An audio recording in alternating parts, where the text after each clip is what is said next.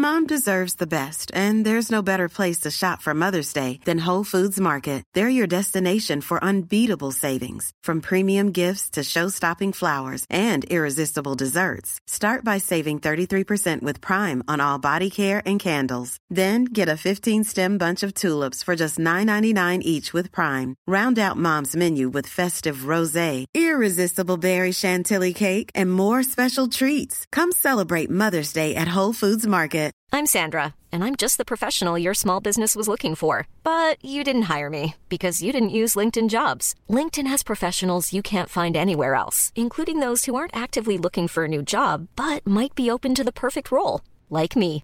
In a given month, over 70% of LinkedIn users don't visit other leading job sites. So if you're not looking on LinkedIn, you'll miss out on great candidates like Sandra. Start hiring professionals like a professional. Post your free job on linkedin.com/people slash people today. Since 2013, Bombas has donated over 100 million socks, underwear, and t-shirts to those facing homelessness. If we counted those on air, this ad would last over 1,157 days. But if we counted the time it takes to make a donation possible, it would take just a few clicks. Because every time you make a purchase, Bombas donates an item to someone who needs it. Go to bombas.com slash ACAST and use code ACAST for 20% off your first purchase. That's bombas.com slash ACAST, code ACAST. Hallå hallå välkomna till Elbilsveckan med mig, Kristoffer Gullin och Peter Esse. Peter, hur har din vecka varit? Den har varit trevlig, väldigt lugn faktiskt. Jag har sett fram emot att få podda lite här med dig Kristoffer. Själv har jag haft det ganska stressigt. Jag håller på att försöka jobba in en semestervecka i mars här. Och, ja, då krävs det ju lite arbete innan. Men idag så ska vi prata om lite annat, nämligen vad som händer om panoramataket går i tusentals bitar, framtida privatleasingförändringar och en provkörning av BMW iX1 bland annat. Men först har vi en lyssnarfråga. Och det är Lasse som har eh, skrivit till mig på Instagram och han skriver så här. Jag föreslår att ni pratar i kommande avsnitt om nya Audi Charging som kommer ur gamla E-tron Charging Service. Vore bra med en ordentlig genomgång om hur det kommer att funka framåt. Uppskattar er podd mycket då jag själv kör elbil sedan ett år tillbaka. Med vänliga hälsningar Lasse. Och det här är ju något som vi faktiskt redan har pratat om en gång i tiden. Men jag tror att det var i första avsnittet. Men Peter, du kan väl eh, ta en snabb repris, du som kör Audi också och har koll på det här. Ja, men vad trevligt. Vi kan väl anta att Lasse också är Audi-förare då. Det ska sägas att vi har pratat om det här två gånger innan. Dels i första avsnittet och dels i avsnitt tre här precis innan i Ecar Expo. När vi pratade om att Mercedes hade höjt priserna. Då fick vi göra en liten genomgång om vad som är vad i de här konsoliderade elbilsabonnemangen. Då. Men det som då sammanfattningsvis har hänt är att Audi har ju bytt tjänsteleverantör för den här tjänsten. Vad är tjänsten? Jo, men det är att vi kan eh, starta igång laddarna. Alla laddare nästan. Med hjälp av ett Audi-kort som vi får eller via Audi-appen. då. Det sker ingen automatisk övergång mellan den gamla och nya tjänsten. Så det gamla abonnemanget försvinner när bindningstiden på det är slut. Och då kan vi som har haft den gamla då byta till den nya tjänsten. För Audi-bilar som är levererade efter årsskiftet gäller då det nya abonnemanget direkt. För er som har en ny bil så är det ganska enkelt. Är ni osäkra på vilket abonnemang ni har så heter då gamla tjänsten Audi E-tron Charging Service. Och nya heter kort och gott Audi Charging. Och Audi Charging baseras på Elli. Och det är en tjänst som vem som helst kan ansluta sig till. Det finns tre olika abonnemang. Det är liksom identiskt oberoende vilken bilmodell som vi har. Antingen för att det ingår i en Volkswagen, i en Audi, en Skoda. Eller för att man som du Kristoffer har skaffat det separat. Så de här priserna det gäller ju alla som då antingen skaffar det separat eller via sin biltillverkare. För det är ett ganska trevligt abonnemang, eller hur Kristoffer? Det är väl egentligen det bästa? Ja, jag skulle säga att det är det. Jag har inte hittat något som är bättre. Och det är ju en hel del de mest publika och kända laddnätverken som ingår. Recharge, Incharge, mer och så vidare. Och även utomlands då. Det är inte bara ur svenskt perspektiv detta. I och med att det är liksom framtaget i Tyskland. finns Basic. Då kostar det 0 kronor per månad eh, i extra. Då. Eh, det ger egentligen inga fördelar mer än att vi, att vi får ett laddkort. Och, eller kan starta igång via appen. Då. DC-laddning kostar 8 kronor 30 öre per kilowattimme. Och Ionity kostar 8 kronor 70 öre per kilowattimme. Mycket pengar. Sen finns det plus. Det kostar 75 kronor per månad. Och då är det 5 och 15 kronor per kilowattimme för DC-laddning utanför Ionity. Och Ionity kostar fortfarande då 8 och 7 kronor per kilowattimme. Sen så finns det Pro. Nu blir jag lite osäker Kristoffer. De här Basic Plus och Pro. Är det Audi-språk eller heter Ellie-abonnemangen också det? Det är Audi-språk. På, I Ellie heter de någonting annat. Jag vet att Pro heter Highway hos Ellie. Okay. Men det är i alla fall samma månadskostnad då för de som tecknar från och med nu. Ni som är lite gamla i gamet.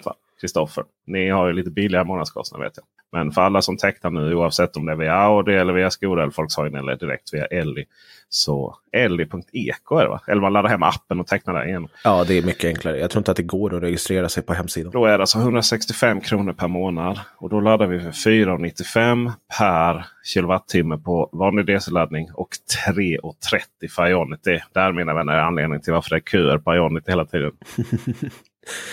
Jag som har det gamla priset betalar 3,95 hos deras partners. Så jag har ju liksom gett upp Ionity i princip. Ja. Jag åker ju bara till en annan laddare. Det är ju E.ON, eh, Clever-laddare, Allego eller Allego. Eh, Recharge, Incharge, mer och alla de här. Så det finns ju faktiskt många att välja på om man har det här kortet. Mm. Men om Ellie finns, varför, har man då, varför måste man hålla på och branda om det till Audi hela tiden? Eh, som Hela tiden. Sina, ja. ja. men Folkvagn har ju gjort det med alla sina eh, märken. Mm. Det, en gång i tiden så var ju det ganska unikt då med Audi E-tron Charging Service. För att det var, fanns inte så många sådana här liknande varianter. Då använde man ju då som bekant en tjänst som heter Digital Charging Solution från BMW. Ironiskt nog. Men det är ju så att det är en bindningstid på 12 månader. Och köper du en ny Audi-bil så ingår månadskostnaden de här 165 kronorna per månad första året. Och sen så kan det ju finnas en anledning om man då säger att man använder Audi-appen då mycket. Den används ju primärt för att starta och kanske inte stänga av. Då bara starta förvärmning då till exempel. Eller öppna och, och låsa bilen då med appen. Eller kolla mätarställning och kolla nivåer på batteriet. Och, sånt. Eh, och i, i appen går det också då att helt enkelt eh, starta igång laddarna Eh, kanske du vill stå ut lite så du får det står Audi Charging på ditt laddkort istället för Ellie. Eh, men framförallt handlar det om att det ingår då de 12 månaderna första året. Så det är lite mer brandat för märket. Det är precis lite. Jag tror att vi går vidare där. Om du har fler eh, funderingar angående det här Lasse så lyssna in vårt första avsnitt där Peter kör en rejäl genomgång av det här.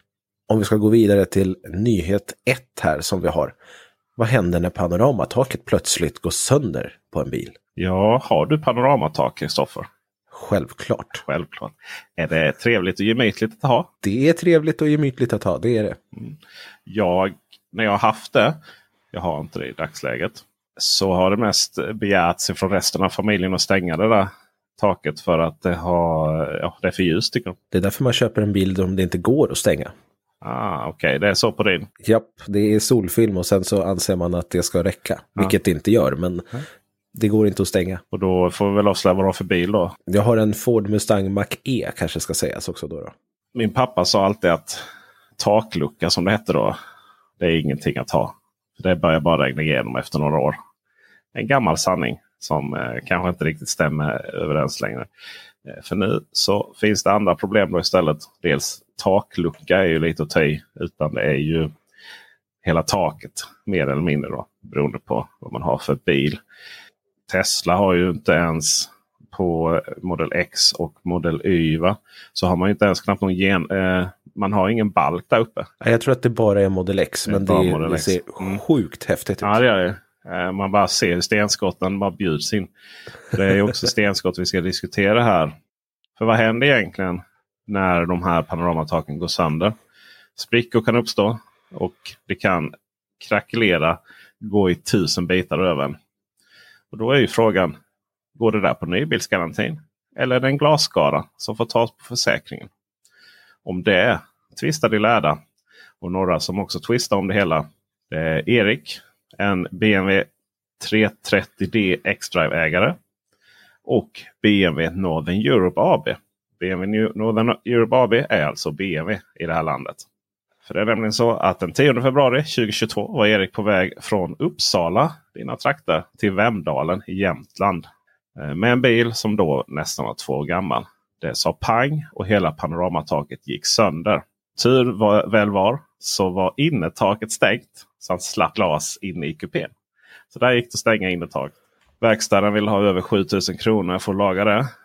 Erik på sin sida menade att skadan inte var orsakad av ett stenskott eller någon yttre påverkan. Vilket han menade eh, på att verkstaden också bekräftade att det fanns ingen sten eller någonting. Man hittade ingenting. Detta är någonting som verkstaden senare förnekar och menar då att det skulle vara ett stenskott. Okay. Men det fanns ingenting yttre som hittades här. Då menar Erik att det är sannolikt att göra att haft, glaset haft inbyggda spänningar. Och därmed ska det täckas av vagnskadegarantin. Alltså ett ursprungsfel och inte någon form av glasförsäkring. Glasförsäkringen kan också vara lite sådär. Det är inte säkert de täcker panoramatak. Och då handlar man liksom någonstans. Ja, det blir dyrt i alla fall. BMW menar å sin sida att eh, det visst bedöms vara en glasskada. Då, då man skriver att bedömningsgrunderna som kan användas för att anse detta vara orsakat av glasskada är att luftströmmarna kring en bil under färd möjliggör att partiklar som kan finnas vid vägbanan, exempelvis sten, asfalt och metalldubbar. ja, dubb, dubbfritt har vi inte där alltså. Inte dubbfritt i Jämdalen. Någon som åker Uppsala-Stockholm väldigt ofta så tycker vi om dubb här och stenskott. Det är, det är inte allt för ovanligt. Nej, det är så. Men eh, det kan föras med runt bilen och träffa karossen både upp till och på sidan och bak till genom turbulens. Eh, så, således så kan så kallat stenskott träffas glastaket. Då. Och detta är då en skrivelse som man lämnar in till Allmänna reklamationsnämnden. För det är också dit då Erik har vänt sig för att få det här utrett. Man menar också att eh, det bör noteras att vid skadetillfället hade bilen varit i bruk i ungefär 23 månader och 3500 mil. En ansenlig tid i trafik med den belastning på glastaket som det innebär. För att sedan helt plötsligt bara fallera i februari 2022. Då. Det här är lite spännande. Man erkänner på något sätt att glastaket är en, en, en känslig konstruktion. Mm. Och Frågan är om man vill att ett tak till en bil som man färdas i ganska så ansenlig hög fart. Även om du så att säga har du provat att cykla i 50 liksom. det går ganska snabbt. Det gör det. Ja så då, det, där är ju liksom, jag tycker det, det tycker, finner jag intressant. Det här liksom hur man, hur man resonerar runt detta. Ska verkligen tak vara känsliga för luftströmmar och stenskott? Det är ju en, en, en fråga jag har i detta. Ja, och man kan ju dra vidare på det sen och se vad som händer när bilen rullar. Det är också tänkt på. Det finns ju, finns ju intressanta skräckhistorier runt rullande bilar ifrån USA där när man byggde SUVar på lastbilschassin. Och det blev ju bara platt när de rullade där. Det var faktiskt mm. eh, Volvo som med sin XC90 första där som förändrade det beteendet lite så. Att den faktiskt ska klara det. Helst ska den inte rulla överhuvudtaget. Det var ju grunden i Nej, den bilen. Med, med en elbil är det ju svårare att rulla ja, eftersom du har 500 kilo batterier ligger i botten. Ja. Eh, men det här är ju risker som jag inte ens har liksom reflekterat över liksom, på det viset. Jag tycker om eh, panoramatak och vill ha det på bilen. Liksom. Ja, så är det mm. Så frågan är vad som händer då. Eh, Allmänna Precis. reklamationsnämnden eh, menar ju då på att vi kan vara överens om vissa saker. här. Det finns garanti på bilen. Ja, vad bra. Skadan inträffades inom denna garantin. Mm. En förutsättning för det här samtalet. Det finns inget i villkoren för garantin att skador på bilens tak på något sätt skulle vara undantagna från den omfattande garantin. Garantin ska därför som utgångspunkt anses omfatta även taklucka panoramataket. Strålande, då har vi det utrett. Det är säljaren och eller garantigivaren som är samma i det här fallet. När du köper en bil från BMW så köper du den uppenbarligen från BMW och inte från återförsäljaren. Det är en hel sektion i det här avsnittet om just det. Och Det är också därför man säger att där bilen liksom har hämtats i Stockholm i det här fallet de behöver inte ta något ansvar. För det är alltså BMW Sverige som står för garantin. Så Det är säljaren eller garantigivaren som ska göra det. Sannolikt att felet inte omfattas av garantin. Alltså bevisbördan ligger på säljaren då i det fallet bilen. Allmänna reklamationsnämnden menar också att det har gått en riktigt bra tid sedan bilen tillverkades. Inte helt oproblematiskt. Hur slutar detta då? BMW har inte presenterat några bevis på att skadan orsakas av yttre faktorer. Var vänlig att ersätta den goda Erik med dryga 7000 kronor. Det är inte alla som får igenom det där. Nej, jag frågade hur funkar det här nu då? Är detta liksom någon form av all, alena rådande utslag. Att nu är det liksom fritt fram här och, och få ersättning för sina panoramatag. För det här är ju inte helt ovanligt. Nej, alltså jag tycker att det blir allt vanligare i Facebookgrupper som man ser. Eh, med allt fler bilar som kommer med panoramatak ja. som standard. Men i detta fallet då så det handlar helt enkelt om bevisbördan. Att eh, någonstans så måste det gå för de som kräver pengarna för den här skadan att bevisa att det helt enkelt var en yttre skada. Så då är det väldigt viktigt att poängtera att kan man liksom se här att det ligger massa stenskott eller att det liksom ligger någon skada precis i närheten av där panoramataket börjar. Då. För det är klart det kan vara svårt att bevisa ett stenskott när alla bitar, alla glasbitar ligger i kupén. Då. Men det har man ju sett till exempel när jag jobbade i Apple-återförsäljarledet. Så var det folk som kom in med eh, skador då, och eh, på skärmen och så nej men jag vet absolut inte vad som hänt. Absolut inte tappat den. Var på servicetekniken bara. Uh, men alltså här är ju en skada i metallhöljet. Där glasskadan. Liksom, när man ser hur glaset har sprickan utgår därifrån. Så att, ja, Det går ju att naturligtvis bevisa om, om, om det finns den typen av skador. Men det är inte helt lätt. då. Så att eh, vet ni nu att det finns i alla fall ett, en, kanske flera bedömningar som faktiskt kan hjälpa till i sin argumentation mot då eh, verkstad eller bilsäljare om samma situation skulle uppstå. På elbilsveckan elbilsveckan.se så har ni också ärendenumret som ni kan hänvisa till om ni så skulle behöva. Och om vi ska ta och gå vidare då. Så har du gjort ett jättejobb, Janne Josefsson. kan man säga så? Ja, men inte äh, göteborgska. Jag, jag har ju inte riktigt den äh, journalist-göteborgskan. Nej, inte den dialekten. Nej. Det ska nämligen handla om privatleasing, något som har blivit väldigt hett här. Ja. Um, vad är privatleasing, Kristoffer? Ja, jag privatleasar själv och jag har gjort det i flera bilar. Eh, det är något som har blivit väldigt populärt på senare år och framförallt inom elbilar eftersom de har varit så pass dyra så har ju privatleasingen gjort det möjligt att få en rimlig månadskostnad men ändå få en ny bil så att säga. Det går ju ut på att eh, du tar ingen billån utan du hyr bilen istället. Det finns ett finansbolag som köper loss bilen som också tar ett lån för att köpa loss bilen och du betalar en avgift till det här finansbolaget. Så du blir brukare av bilen men inte ägare. Och det gör att du inte har möjlighet att eh, sälja bilen, du har inte möjlighet att eh, göra vissa förändringar i bilen eh, och eh, du ska sköta om bilen på ett snyggt sätt som gör att bilen inte tappar i värde. För finansbolaget har ju såklart räknat med ett restvärde på det här sen. Det här blev ju lite av ett problem i, under 2022 får man väl säga det här med privatleasing. Varför då? Jo, det är ju viktigt här att poängtera som du säger att det här är ju en, någon form av långtidshyra skulle vi kunna jämföra med. På något sätt att du hyr ju då bilen från leasingbolaget. Vilket är då jämfört med att du då tar ett lån och köper det. Vilket gör att till exempel något som många inte tänker på är att den här avgiften som du betalar till leasingbolaget den är inte avdragsgill. Så som lånet är på om du, ja, alla lån. Alltså som du, av någon anledning så är det så att om man har huslån, eh, om vi har billån, om vi har kreditlån. så eh, en viss, jag tror det är 20 av räntan där, den är avdragsgill. Så den liksom tar ner den beskattningsbara inkomsten. Det gäller då inte privatleasing. Men det tror jag inte det är de flesta antingen har man missat eller känner inte till det. För det, det har liksom inte pratats så mycket om. Men däremot så är det ju det här att avgifterna för de här bilarna har ju höjts rejält.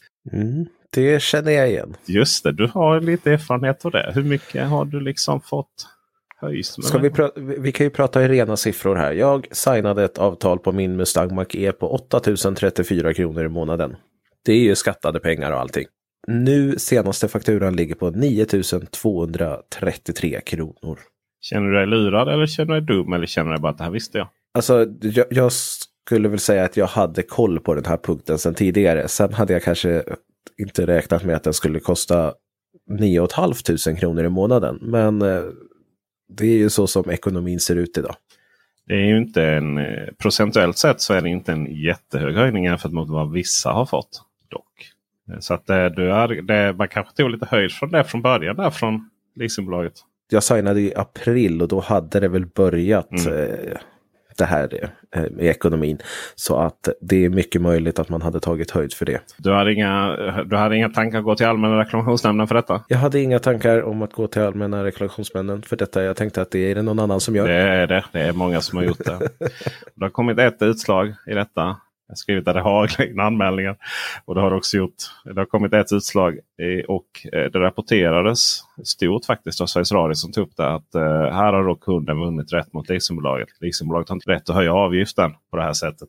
Det var ju inte riktigt rätt den rapporteringen dock. Eh, det handlar ju om en, det här enskilda fallet och anledningen att Allmänna reklamationsnämnden dömde på det här sättet. Det var att i de här olika lagar och regler runt detta så anmodas leasingbolagen att bevisa varför de måste höja avgiften. Alltså måste de höja avgiften för att deras räntor, liksom deras upplåning blir dyrare. Då är det helt okej okay att höja avgiften. Eh, vad man hade missat där var då att DNB Finans, som det handlar om i det fallet, de hade helt enkelt missat skicka in den här lilla liksom, uträkningen till Allmänna reklamationsnämnden för just detta ärendet. Vilket gjorde då att Allmänna reklamationsnämnden sa att ja, men det har ni inte bevisat just i detta ärendet. Och därför så får ni inte höja eh, avgiften för just dessa månaderna då som det handlar om. Men därefter sen så, ja, det har vi ingen åsikt om. Och så kunde det då höjas då. Man konstaterar i det fallet att kunden har skrivit på ett avtal om rörlig ränta eller rörlig avgift. Det är ju så att eh, igen då, det är inte räntan man betalar, den är inte avdragsgill. Men det är alltså räntan påverkar ju avgiften. Och eh, Det var väl inte mycket svårare än så. Och sen vad som stod i eventuella order, bekräftelse och så vidare. Det, ja, det var, mer, det var dessutom mer komplicerat än så. För det visade sig sen att Allmänna reklamationsnämnden sa ju att endast summan över en viss summa skulle bli tillbaka. Och den summan var ju högre än vad kunden ens betalade. Det var ju för att den summan var uträknad utan miljöbonus. Så att i slutändan fick inte den kunden några pengar överhuvudtaget. Där. Exakt liksom detaljer, för det blev ju lite rörigt här. Det hittar ni i artikeln till detta som jag vill länka till från elbilsveckan.se. Och ni ser den även här i, ja, om ni är poddspelare. Då. Men det är inte alltid man kan klicka på de länkarna. Så är det så att i alla sammanhang det finns länkar som ni kan klicka på. Gå till elbilsveckan.se, ta upp avsnittet och så finns länkarna där. Ett annat problem har varit att det inte har gått att överlåta privatleasingen. Säg att du inte har råd att ha kvar bilen så du vill att överlåta privatleasingen till någon annan. Och det har inte varit så stora problem faktiskt. Du har ju lite erfarenhet av det också Kristoffer. Det har jag. Eh, jag har ju DNB Finans och där är det helt okej. Okay. Jag eh, ska vi köra en shameless plug här så jag har ju faktiskt min ute till överlåtelse just nu eftersom jag åker alldeles för många mil. Eh, och hos DNB är det fritt fram. Återförsäljaren hjälper till med det, inga större problem. Men så är det ju inte hos alla finansbolag. Så är det inte hos alla finansbolag. Framförallt ett stött eh, patrull hos. Och det är då eh, Santander och MG. Så det är MG-bilar oftast köpta via Hedin eller leasade eller lånade eller hyrda av eh, Hedin bil. Och sen så via finansbolaget Santander. Så jag gjorde lite till ett mission och ta reda på varför. Ska det verkligen vara på det här sättet? Säger Janne Esse här. Först och främst till min förvåning så meddelade Santanders presstjänst i Norge att det fanns inte några som helst problem att överlåta någon leasing. De förstod inte alls vad jag menade. Samtidigt då så kollade jag och andra då med den svenska kundtjänsten att eh, och där var det nej. Vi jobbar inte med det här. Nähä. Så efter ungefär tio mejl fram och tillbaka och påminnelser och, och så vidare. Så eh, svarar man att ja, vi är medvetna om att det har blivit fel. Och man ska nu förbättra kunskapen i frågan. Så alla ni som stöter på eventuella problem med just Santander. Bara hänvisa till denna podden. Och Eh, eller länken till den på Teknikveckan.se. Och igen då, det gäller då framförallt MG-ägare via Hidden Bil. Men Santander har ju även vissa andra märken. Och där skulle man kunna säga att den här historien var klar. Men nej. Under tiden jag väntade på Santanders mejl fram och tillbaka så kollade jag med Konsumentköpverket vad de tyckte om att företag inte ville överlåta sådana här avtal. Det hade de faktiskt ingen åsikt om alls. Men, berättar de. Generellt sett får in många anmälningar om prisjusteringar under pågående leasingperiod. Och har med anledning av detta startat ett tillsynsärende mot just DNB Finans. I den granskningen har man kommit fram till att så här kan det inte vara. Jag citerar. Konsumentverkets bedömning är att villkoren ska betraktas som oskäliga eftersom det helt saknas möjlighet för konsumenten att säga upp avtalet vid en förändring i leasingavgiften om priset är för högt i förhållande till pris som avtalats vid avtalets ingång. Jaha, oj! Alltså lekmanna-SS säger att det här innebär ju att du måste liksom kunna gå ifrån avtalet på grund av prishöjningar. Så jag dubbelkollade. Betyder det här alltså att vi kommer kunna säga upp våra avtal i förtid i framtiden om det blir för dyrt? Eh, jajamensan, svarar de. Viss omskrivet. Det kan argumenteras för att om en prisjusteringsklausul ska kunna accepteras bör det vara under förutsättning att konsumenten har motsvarande rätt att säga upp ett avtal till en rimlig kostnad och rimlig uppsägningstid. Om priset blir för högt i förhållande till vad som avtalats. I nuläget är konsumenten fast i avtal med 36 månaders bindningstid. Jaha, oj. Vad händer nu då? Undrar ju vän av ordning. Oh, DNB har sagt sitt. Vad de har svarat på det vet vi inte. Men nu kommer ärendet inom kort att föredras för Konsumentverkets processförandeenhet, KO-sekretariatet, för beslut om eventuellt rättsliga åtgärder. Så baserat på detta, om inget oväntat händer, så kommer alltså avtalen att behöva förändras. Det betyder att det kommer helt enkelt vara så att bolagen kan inte sätta en förhållandevis låg avgift. Och sen så är det helt enhetligt risken här då läggs på kunden. Utan vad då Konsumentverket menar på i, om vi läser då de här dokumenten noggrannare, så måste de här bolagen, finansbolagen, de måste ta lite höjd för att det här skulle kunna hända. Och annars så är det så att det blir uppsägning. Sen vad som är rimlig kostnad och rimlig uppsägningstid, alltså vad det innebär, det vet jag ju naturligtvis inte. Det har man ju inte satt ännu. Alltså men... konceptet privatleasing blir ju, det, det försvinner ju lite här. Hela tanken är att du, du har ett pris i 36 månader. Eh, och om du kan säga upp det avtalet, jag förstår ju att det kommer vara någon form av straffavgift av liknande, men det kanske inte kommer vara lika högt som det är idag. För det går ju faktiskt att säga upp, åtminstone hos DNB eh, som jag har, så går det ju att säga upp avtalet idag. Men det är ju hiskeligt dyrt. 40 procent tror jag man får betala av resterande. Första 12 månaderna så betalar du 100 procent. Så jag som inte har haft min bil i 12 eh, månader än betalar 100 procent i 4-5 månader till. Sen är det 40 procent i 24 månader. Oj då. Mm. Nej, detta är ju så att säga enbart om priserna höjs så mycket beror på dem från vad man har avtalat från början. Det är då du då får möjlighet att säga upp det, inte annars. Men det måste ju nästan betyda att privatleasingpriserna kommer öka ännu mer i kostnader. Just det. Antingen får de ju ta höjd på den rörliga räntekostnaden man har. Eller så får, kommer ju bolagen börja använda och låna upp till fast ränta istället. Och det blir naturligtvis eh, dyrare. Jag försökte räkna lite på det här. Privatleasing eh, eller ta ett billån helt enkelt. Och det går inte riktigt att räkna på för du har så oerhört olika restvärden. Det är klart att de som köpte en Volkswagen ID4 där och, och sen sålde den och, och, tog miljöbonusen och sen sålde bilen för antingen lika mycket som man hade köpt bilen för eller mer. Det är klart att de tjänade, då får man ju säga, på sin bilaffär. Det var väl det är sällan det händer. Liksom. Eh, otroligt mycket. Medan de stod liksom de privatleasing de privatleasingbilar som kom tillbaka då i den, eh, i den eran. Så eh, fanns det inga Volkswagen ID4 som var så gamla som skulle tillbaka från privatleasing. Men säg andra bilar. Då. Jag menar, det var ju en enorm förlust för, för dem eh, som hade privatleasat dem jämfört om man hade tagit ett och sålt den. Medan då leasingbolagen naturligtvis hade, hade det jättegott.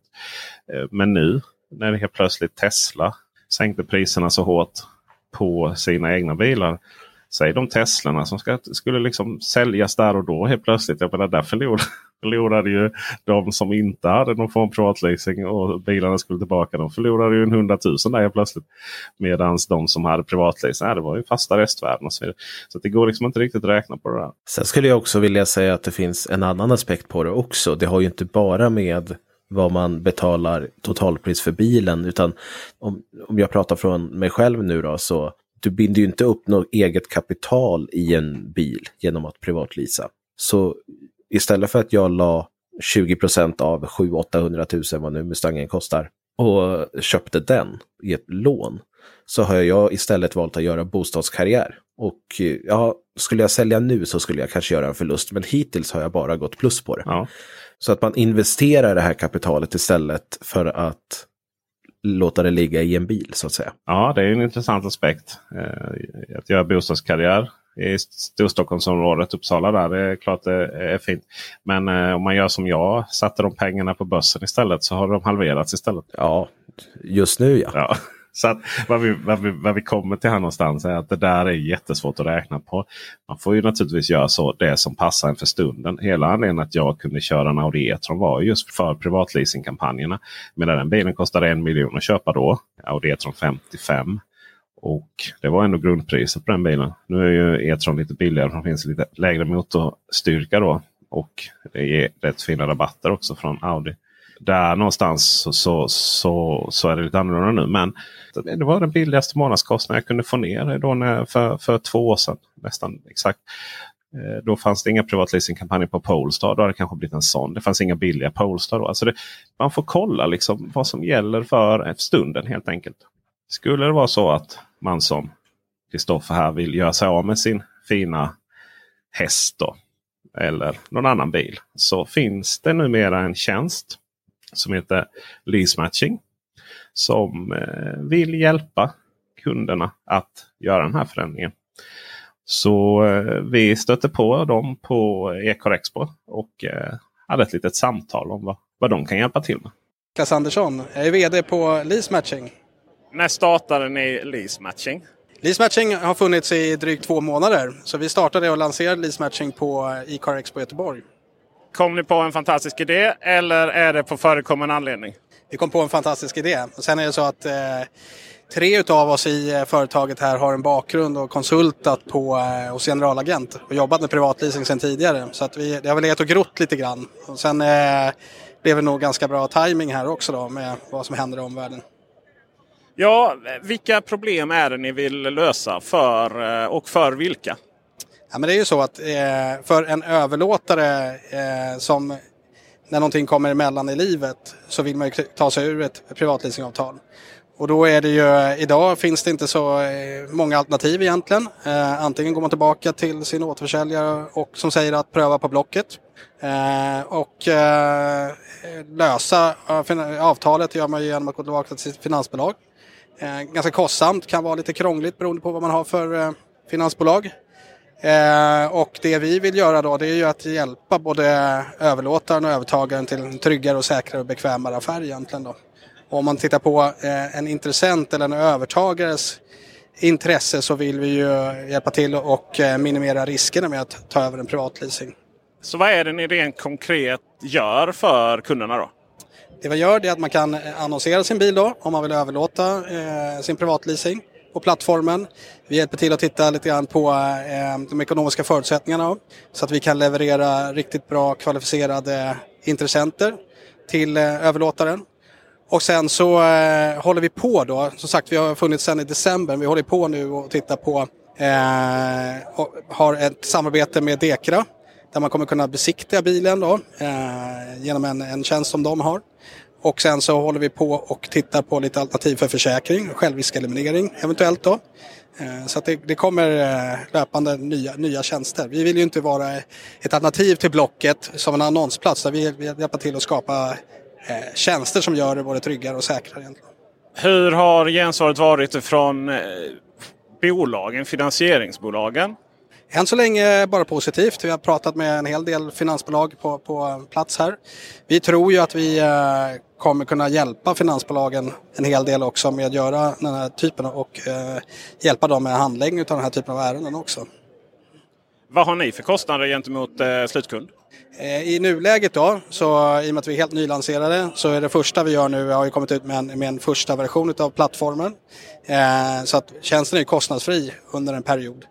Eh, och eh, finans, eh, affärsmodellen håller vi fortfarande på att laborera med men sannolikt kommer det vara så att man betalar utifrån hur man vill använda tjänsten. Eh, vill man bara använda den som en annonsplattform då är det det man betalar för. Vill man ha lite mer hjälp eh, och ta med besiktning eh, och självriskeliminering så kommer vi ta en, en, en betalt för det helt enkelt.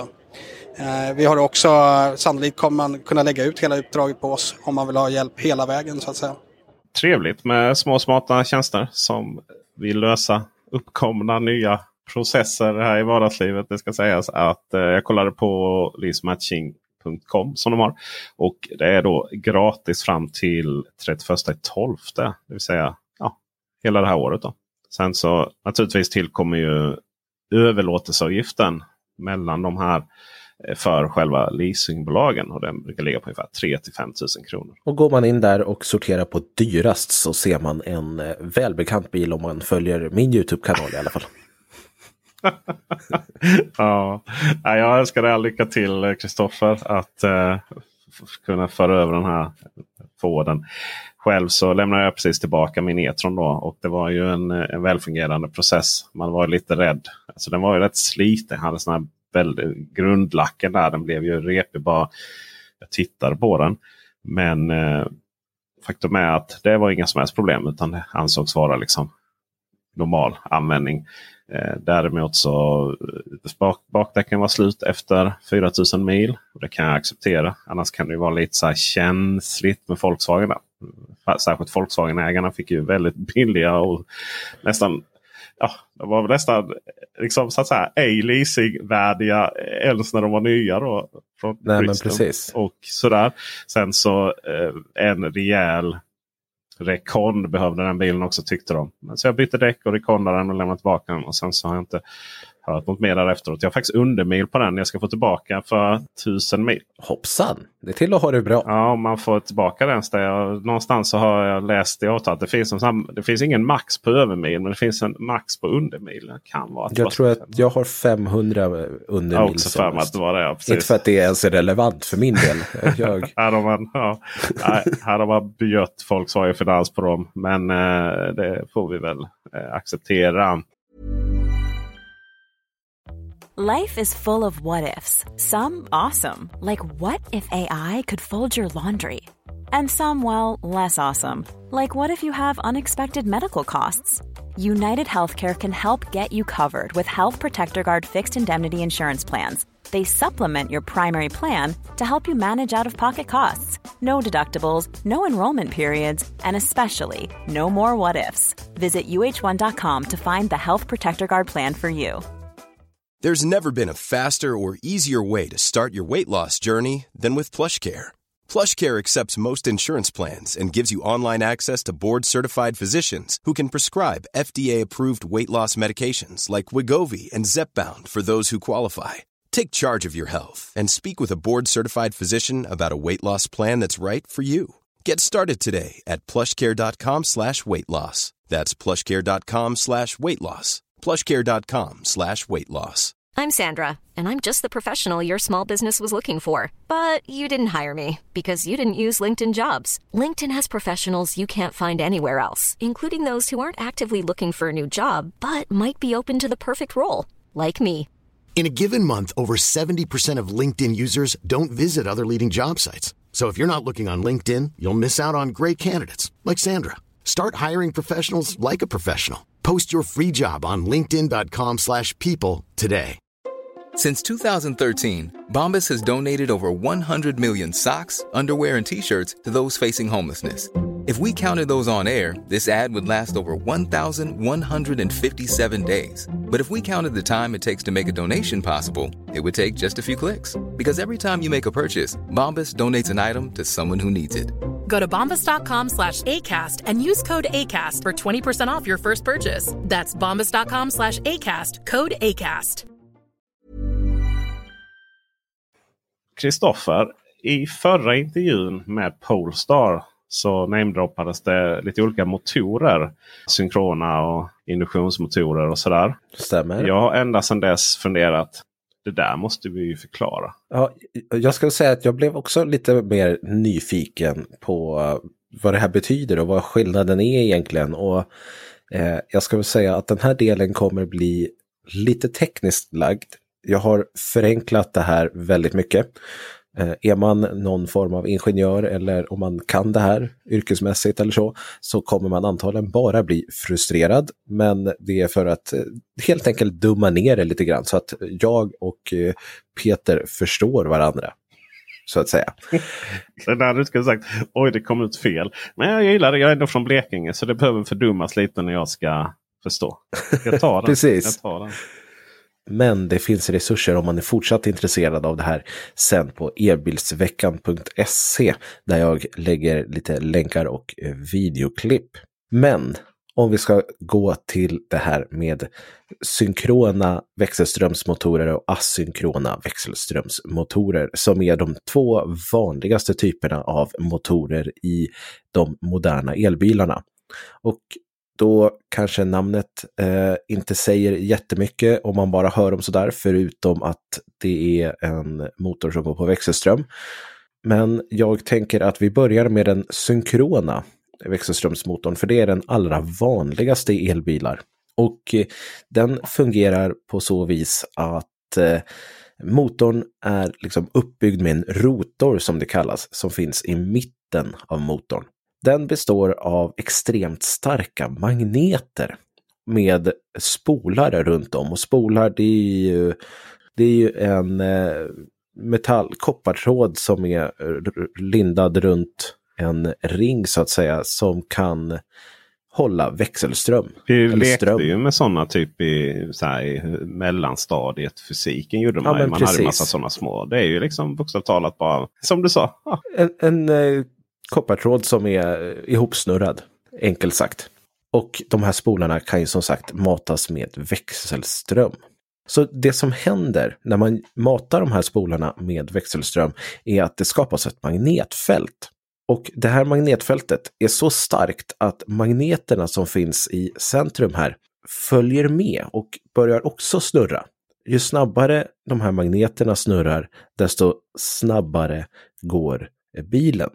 Men det som bestämmer hur fort de här magneterna ska snurra, det är vilken frekvens som finns på växelströmmen som eh, motorn matas med. Eller som spolarna matas med, kanske man ska säga. Ju högre frekvens på växelströmmen, desto snabbare går det. Och det gör att det är väldigt enkelt att reglera hur fort motorn ska gå eh, med tanke på den här frekvensen i strömmen som är enkel att justera. Man kan få ett exakt varvtal på motorn och det gör ju att den blir väldigt lätt att kontrollera rent krasst. Men de här magneterna som finns i motorn är ett problem. För de är så extremt starka och kräver sällsynta jordartsmetaller för tillverkning. Och eh, det vet vi ju sedan tidigare att det är ju ingen toppenmaterial att använda om man säger så. Därför kom Nikola Tesla på den asynkrona växelströmsmotorn. Och här vill jag bara säga att Nikola Tesla, för er som inte vet, har ingenting med att göra med själva bilföretaget Tesla, förutom att de delar namn. Nikola Tesla var en uppfinnare och elektroingenjör som bland annat tog fram grunden till den moderna växelströmstekniken som vi använder oss idag. Och det är en helt annan historia tillbaka till den asynkrona växelströmsmotorn istället. För här har vi fortfarande en rotor i mitten av motorn som innehåller spolar, men istället för att det finns magneter som sitter i mitten eller mellan de här spolarna så finns det istället ledare som är format lite som ett hjul. Tänk dig lite som ett hamsterhjul ungefär. De här spolarna matas med växelström precis som tidigare och ett magnetfält skapas och på det viset så börjar det här hjulet istället spinna och skapa sitt eget magnetfält. Och då blir det lite som samma sak. Fast istället för att ha fysiska magneter så har du två magnetfält istället. Det här sättet gör ju att du inte behöver de här sällsynta metallerna för att tillverka magneter, vilket gör att eh, motorn blir enklare. Den består av mindre delar, den blir billigare att tillverka, den kräver inte lika mycket resurser, men den är mer komplicerad att styra och få mer exakt, vilket kan vara lite tufft för vissa. En biltillverkare som använder denna typ av motorer är framförallt Tesla och snart då Volvo och Polestar. Och anledningen till namnet asynkron är för att rotorn inte snurrar i samma frekvens som växelströmmen. Så här har vi en stor skillnad. Den synkrona följer ju frekvensen i växelströmmen. Det här är ju som sagt väldigt komplicerat och jag har dummat ner det väldigt mycket. Men det är på en hög nivå så här skillnaden mellan synkron och asynkron eh, växelströmsmotorer fungerar. Mer resurser finns på elbilsveckan.se. Tack för det Kristoffer. Helt ny information för mig. Det här med växelström och likström är ju spännande. Mm. Det är ju ett eget ämne i sig egentligen. För det, är ju, det handlar ju också om stora eh, roterande saker. Generatorer då som, som skapar eh, växelström. Finns till exempel i kärnkraft och vattenkraft och vindkraft. Allting som rör på sig för att skapa ström. Då. Mm. Vart, vart har vi likström då? Solpaneler. Och i våra batterier? Och i batterierna. Alla produkter förutom de som, som, behöver, som rör på sig. äh, säga, är, ju, är ju likström. Då, så att, äh, det sker ju en omvandling hela tiden då när vi laddar våra saker. Så det betyder till exempel ett scenario där vi har solpaneler. Och vi har ett husbatteri. Och vi laddar bilen. Då producerar vi likström. Som går in i en växelriktare så det då blir växelström. Och sen så tar den sig vidare till husbatteriet. Då bör det då ske ytterligare en, en, likriktning då istället så att det blir återigen likström. Och sen så när vi då ska ladda bilen från det här batteriet så får helt enkelt vi köra en, ska vi säga här, eh, då blir det växelriktare då ut från batteriet. Det är ju samma då inverter som, som ordnar åt båda hållen på det batteriet. Mm. Eh, men då går det ut och igen, då blir växelriktaren, se till så det blir växelström. In i laddboxen, in i bilen som i sin tur då gör om växelströmmen till likström. Och sen ska batteriet skicka ut eh, likström till en växelriktare som skickar in växelström i motorerna. Då. Inte alls komplicerat. Nej, det är, därför också det sker alltid lite att det blir lite så här. Sker vissa förluster då. Det är också därför man tittar på liksom, hur kan man minimera vissa av de här sakerna. Till exempel så eh, kommer det ju DC-laddare då till även att ladda bilar hemma. Det är många som tror att oh, det är inte bra för batterierna att DC-ladda. Alltså det är inte det är inte, hast, det är inte liksom DC eller växelström eller likström som är bra eller dåligt för batterierna. Utan det är hur snabbt man laddar då så att säga. Och mm. Dessutom så om, om vi DC-laddar bilen sker det ju då i alla fall en mindre omvandling där någonstans. Intressanta ämnen som vi kommer komma tillbaka till i framtiden. Så är det ju verkligen. Eh, det är det som gör att vi kan snabbladda så att säga. Att konverteringen sker utanför bilen och istället för att skicka in växelström som bilen behöver hantera så skickar vi in likström direkt i batteriet då, när vi använder oss av CCS2-uttaget. När jag eh, och med CCS2 så menar Kristoffer det vi folkmun kallar CCS. Alltså det, ja. det, det, har inte kommit någon ny kontakt utan det är bara att CCS1 används väl i USA. Ja. Naturligtvis. Typ 1 där, ja. så då är det ju Ni typ som är lite mer intresserade av Vehicle to Home och sådär så använder batteri eh, mer om just likström och växelström. Och, och, och sen även använda bilens batteri som husbatteri och kors och tvärs. Det kan ni lyssna på avsnittet Så fungerar V2H eller V2 Grid. Eh, heter avsnittet. Alltså Vehicle to Home, Vehicle to Grid. Och varför då? Vi brukar sammanblanda de ämnena. Det vill säga det är inte vehicle to home vi pratar om oftast utan en vehicle to grid. En bil som så vitt jag vet inte stödjer vehicle to grid eller har en asynkron motor är BMW iX1. BMW iX1 ja, det är en eh, fruktansvärt trevlig bil och jag ska säga redan från starten här nu att eh, skulle jag köpa en bil idag då vet jag nog inte om det skulle, då skulle det nog vara en BMW iX1. Alltså jag tycker om den här formen. Det är ju en kompakt SUV, något som fler än jag tycker om. Eh, det är större delen av svenska folket. Volvo XC40 ingår ju i det här segmentet och det blev ju den bäst säljande bilen förra året. Eh, näst bäst säljande elbilen. Volvo då ju, inte BMW iX. Nej, alltså Volvo XC40. Mm. BMW iX1 däremot är en bil som presenterades under 2022 när BMW presenterade en facelift på nya X1 och då presenterade man också en elektrisk modell som man döpte till iX1. Bilen kommer än så länge i alla fall bara i en konfiguration och det är som en fyrhjulsdriven med dubbla motorer på totalt 230 kilowatt. Vi har en VLTP-siffra som är rätt dålig på 420 kilometer i blandad körning. Och eh, batteriet ligger på 66,5 kilowattimmar brutto, 64,8 kilowattimmar netto. Det är lite roligt med det där brutto och netto. BMW är en av de få tillverkarna som faktiskt eh, skriver ut båda siffrorna faktiskt på sin hemsida. Så det är officiella siffror direkt från bmw.se. Det hör till ovanligheten. Snyggt BMW! Vi ska ge dem mer cred här sen också. Efter du har ja. creddat den här bilen. Eftersom vi börjar med att uh, prata skit om dem och panoramataket. Prata skit var väl att ta i va? Men uh, ja, det fanns lite okay olika då. åsikter i frågan. Olika åsikter i frågan, absolut.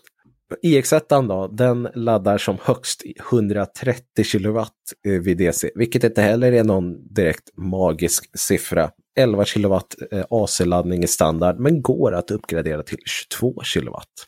Och priset det är tysk premium, 640 000 kronor börjar bilen på sedan en höjning vid årsskiftet. Det är ju väldigt mycket för en, den här typen av bil. Men samtidigt så börjar Volvo XC40 som jag pratade om tidigare här nu då på 610 000 kronor, men då enbart med bakhjulsdrift. Så att det är inte så stor skillnad. Men börjar man lägga på lite utrustning, då springer såklart BMWn iväg. För att i Tyskland så ska ju, är det ju det som man betalar extra för. Men vad är det för utrustning som behövs? För jag vet jag kollar på BMW iX här nu som eventuella ersättare till min E-tron.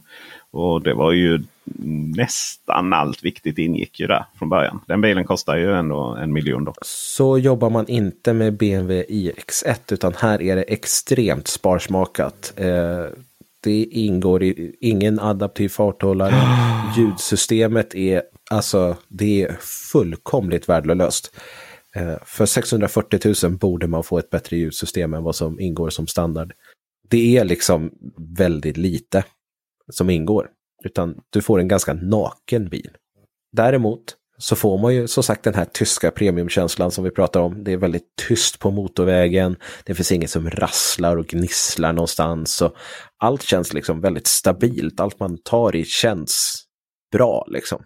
Det är inte någon eh, mjukplast eller eh, billig plast någonstans, utan här har vi eh, sömmar som i, i vårt läder, syntetläder. Bilen jag har kört har även M-paketet som ger lite styvare chassi och sportstolar och sådana här saker. Och jag personligen älskar ju BMWs och Audis eh, sportstolar. Men med ett M-chassi så blir ju komforten, att, alltså åkkomforten blir ju desto sämre däremot. Det är ju väldigt olika beroende på vad man egentligen föredrar. Vill man ha en lite sportigare känsla så är M-paketet givet.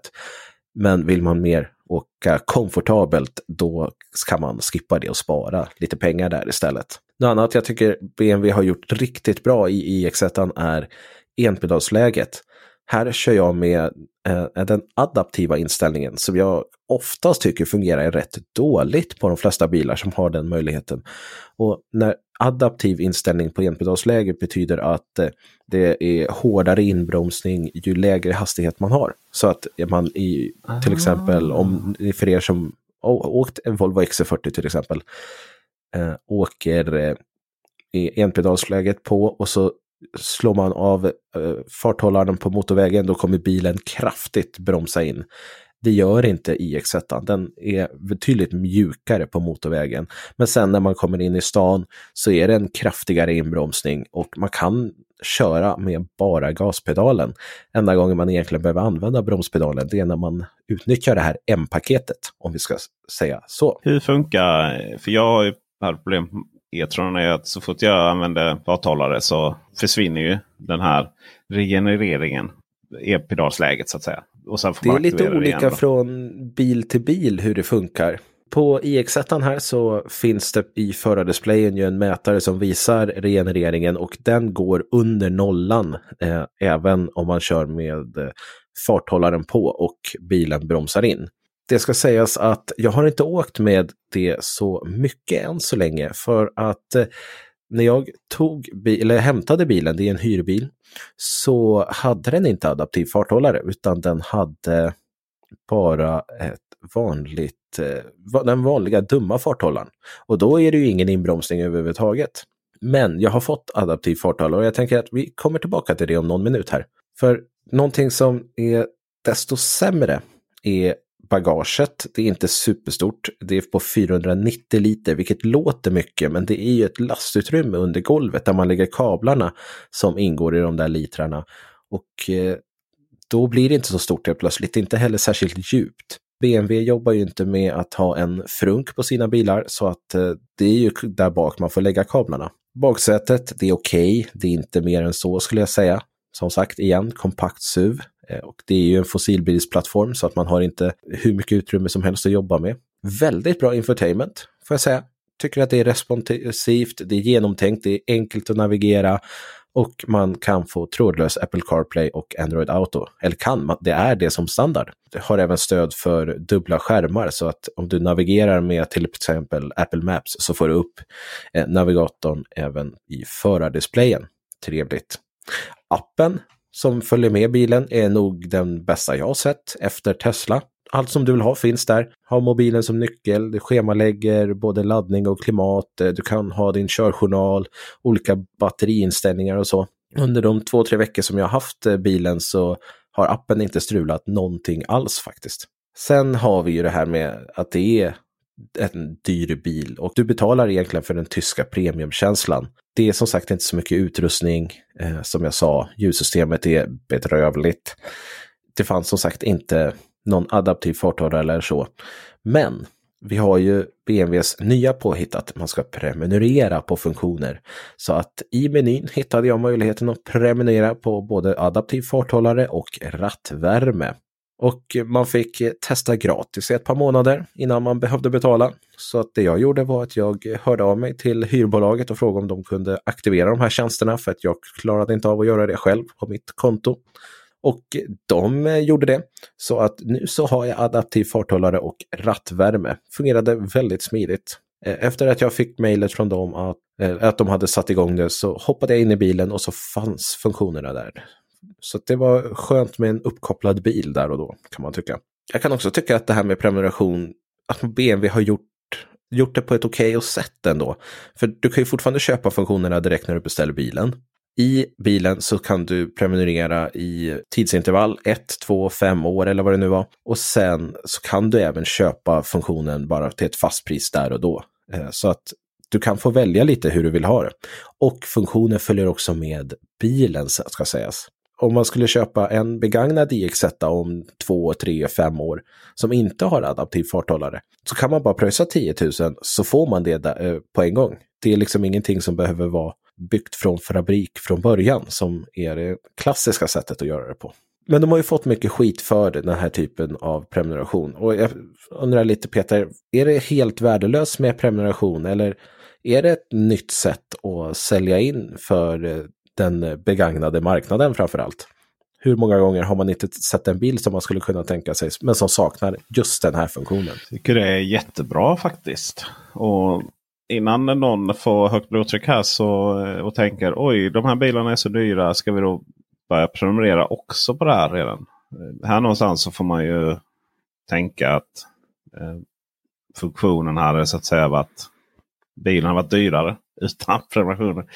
Och, och, man kan också säga det finns, det finns så mycket intressanta aspekter på det här. För då säger man nästa steg då att ja men eh, eh då ska alltså funktionerna då byggas in i bilarna men inte användas. Så blir det inte då dyrare att bygga bilarna? Jo, fast numera tenderar ju de billigare bilarna, eh, alltså de kinesiska, vi kollar på G9 här nu från Xpeng till exempel. Och vi, vi kan också kolla på Tesla. Alltså de här lite billigare bilarna. Och då menar jag inte Tesla Model X och S här utan Y och 3 de har ju ofta väldigt mycket utrustning. Och sen så är det ju sen någonstans de höga priserna kommer istället från problematiken med att man biltillverkarna behöver förhålla sig till föråldrade elbilsplattformar eller förlåt fossilbilsplattformar. Vi hörde nu Volvo till exempel att deras eh, marginal har ju minskat rätt rejält. Och det var ju för att man, man sålde fler elbilar och elbilarna är så dyra att tillverka för dem. För att det liksom inte är nya moderna plattformar de har. Utan den kommer ju i och med EX90 då. Och där då i sin tur har man liksom det, det, krävs mycket komponenter som är inte i, i, liksom i fossilbilsplattforms elbilar. Så, mm. Elbilar baserade på fossilplattformar. Så som den som du faktiskt provkör här nu gör. och Så Så att liksom, kan man göra en helt ny clean slate. Att man tar fram eh, en helt ny plattform och man dessutom i den här liksom, plattformen så ingår rätt, dessutom rätt mycket funktioner. då Och sen så lägger man en välfungerande prenumerationsmodell så som jag tycker ändå BMW har gjort här. Då är det ju fantastiskt. Många har ju upptäckt att det blir ju billigare om man inte har så himla mycket komponenter att behöva ta hänsyn till. Jag tänkte på det när Volvo lanserade till och med då senaste V90. Eller så var det faktiskt så att det var V70. Eh, sista här då. Alltså du vet den här generationen. Eh, Zlatan XC70-generationen där. Den här, som var ute och sladdade. Eh, det var den som hette V72 tror jag. Mm. Där gick det att få dem med analoga mätare i andra länder. Så att Volvo liksom, det var digitala mätare på den. Det, det ingick liksom i svenska grundpaketet. Men i vissa länder gick det alltså att få analoga mätare på den. Eh, där fram. Och, och man kände att men herregud, är inte det liksom en dyrare process att tillverka de här bara för några få grundmodeller. Och, så, och, och liksom förhålla sig till, till den beställningen så kändes ju lite konstigt.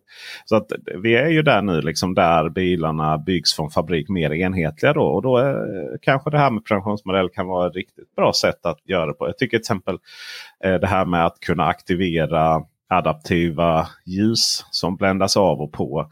Det behöver man ju bara några månader om året till exempel. Ja, alltså om man tar adaptiv farthållare behöver man ju året om. Absolut. Så att, eh, det, det ser jag ingenting konstigt med. Just när det kom till rattvärmen som man kanske skulle vilja ha bara ett par månader om året. Då kunde man ju prenumerera i ett, tre eller fem år på den. Mm. Så att eh, det, där visste ju BMW att om vi säljer det här billigt så kommer ju folk att bara prenumerera två månader på det. Så att då säljer man det som minst ett år. Mm. Men jag tycker också att BMW gör ändå rätt här i att du kan bara köpa funktionen. Betala 2 2 eller vad det var. Så har du rattvärme 100% resten av bilens tid. Liksom. Yeah. Så jag tycker att man har fått till en bra balans på det. Jag la ut en, eh, en bild på det här på min Instagram. Och då var det någon som kommenterade också att eh, för tjänstebilsförare kan det ju vara rätt smidigt. För att då lägger du ju helt enkelt inte till funktionen eller det här jättepaketet som kanske kostar 20 000 eh, för att få den adaptiva farthållaren. Men sen när du har fått bilen, ja men då lägger du 10 000 av dina egna pengar och så har du adaptiv farthållare. Vissa är ju okej okay med det, andra inte. Men det är ett sätt att få ner priset på bilen. Ja, få ner förmånsbeskattning. Jag undrar vad Skatteverket Precis. kommer att tycka och tänka om den, om den uh, lilla abrovinken. Uh, det är en annan femma. Det är en annan femma. Sen som vi tänker lite framöver. Då, vi pratade ju där med Roger Atkins då i förra avsnittet. Och det här med hur vi, hur vi, ska, hur vi äger bil överhuvudtaget. Då. Uh, mm. Och det går ju lite ihop med privatleasing. Ja, men hur kommer vi äga bil i framtiden? Det här med att köpa bil. Äga den Alltså väldigt sådär spesaren från fabrik och så vidare. Eh, att överhuvudtaget äga bil själv det är ju någonting som kanske inte kommer vara helt självklart i framtiden. Och där är det ju till exempel så tänk intressant om vi då hade, bara vi tar en sån enkel sak som bilpooler då, som finns runt om på, i de svenska städerna och utlandet. Säg att du eh, betalar, ja men det kostar 30 kronor timmen för bilarna. Men om du betalar 40 kronor i timmen så får du rattvärme och adaptiva farthållare. Ja. Spännande. Alltså att det byggs in hela vägen så. Det hade ju varit lite coolt. Eller att du har något abonnemang som du betalar lite högre på. Jag frågade ja. faktiskt BMW också om jag köper de här funktionerna, följer det med bilen eller följer det med mitt BMW-konto? Och det följer med bilen. Men i en framtid så kanske det följer med kontot istället. Så att eh, det spelar liksom ingen roll vilken BMW jag sätter mig i så får jag fortfarande de här funktionerna. Ja. Låna kompisens BMW och så får du, och så ja, får du funktioner som inte han eller hon har. ja, vad spännande.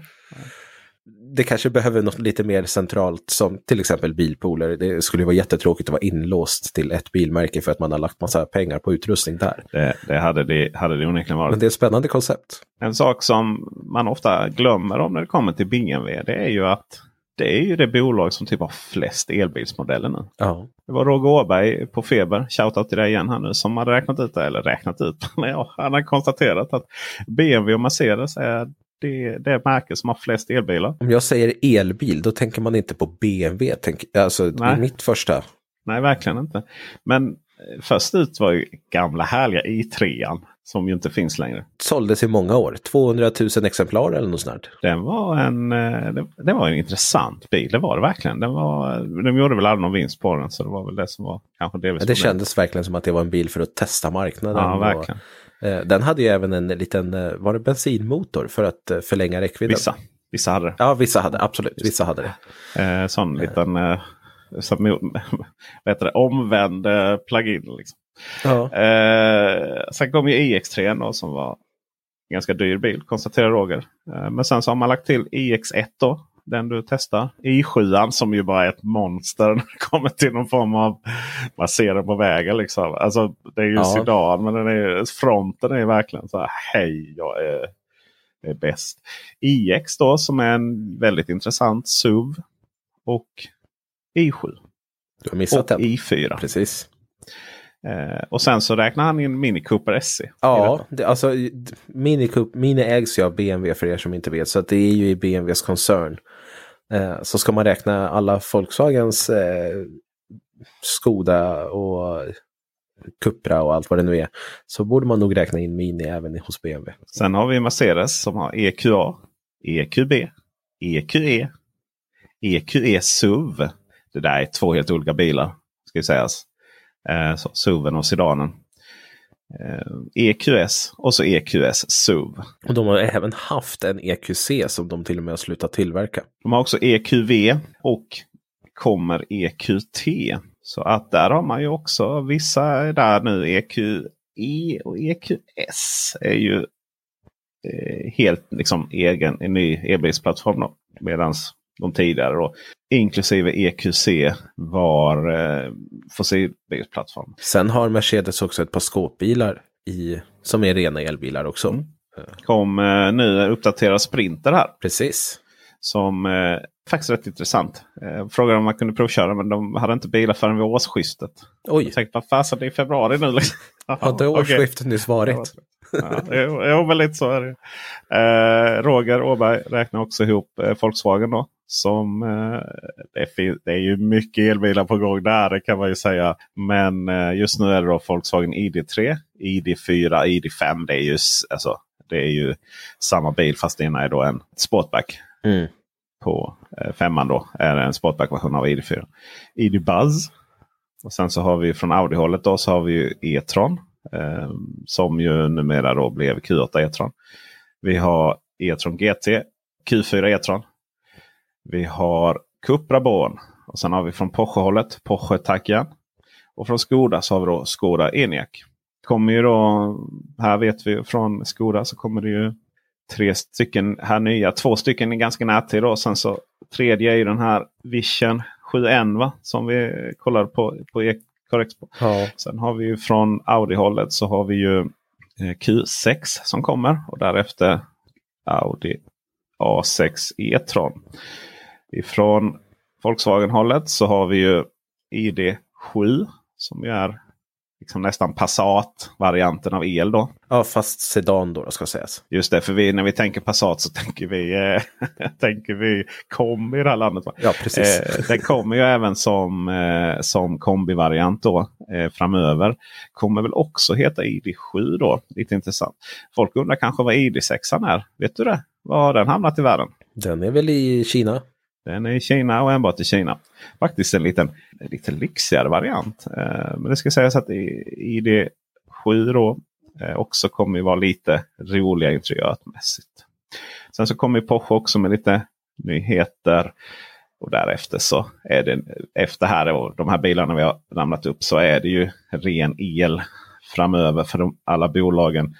Eh, kan man ju anta i alla fall den här sidan om eh, Europagränsen och amerikanska också. Sen så som mycket riktigt Fredrik Wiss då som vi intervjuade i förra avsnittet så menar på det att det är klart att det kommer att tillverkas fossilbilar då till, till andra marknader. Så länge det helt enkelt är lönsamt. Så är det. Och med den lilla genomgången av antal elbilar här på marknaden från de tyska bolagen. Så man, måste, man kan inte säga bara tyska. Man måste alltid ta till en liten tysk brytning. Kanske, jag kanske får vänja mig av vid det. Jag inser att det är irriterande. Du har varit mycket i Tyskland på senare tid. Så jag har varit mycket, det är mycket Tyskland alltså. Det är en intressant, ett intressant billand. Minst sagt. Eh, med dessa sagda ord då så är vi klara för den här veckan. Och eh, ni lyssnar då på Elbilsveckan. Och det betyder ju att om ni vill oss någonting. Då kan ni till exempel mejla mig. esse elbilsveckan.se eller Kristoffer. Kristoffer elbilsveckan.se eller info elbilsveckan.se så går det till oss båda. Innehåll, länkar. Eh, Kristoffers, eh, framförallt Kristoffers länkar här till, till hur olika motorer fungerar. Det hittar ni också inte helt oväntat. Elbilsveckan.se. Vi tackar också ljudtekniker Dennis Klarin för klippningsarbetet och den pålagda musiken. Hej! Hej på er!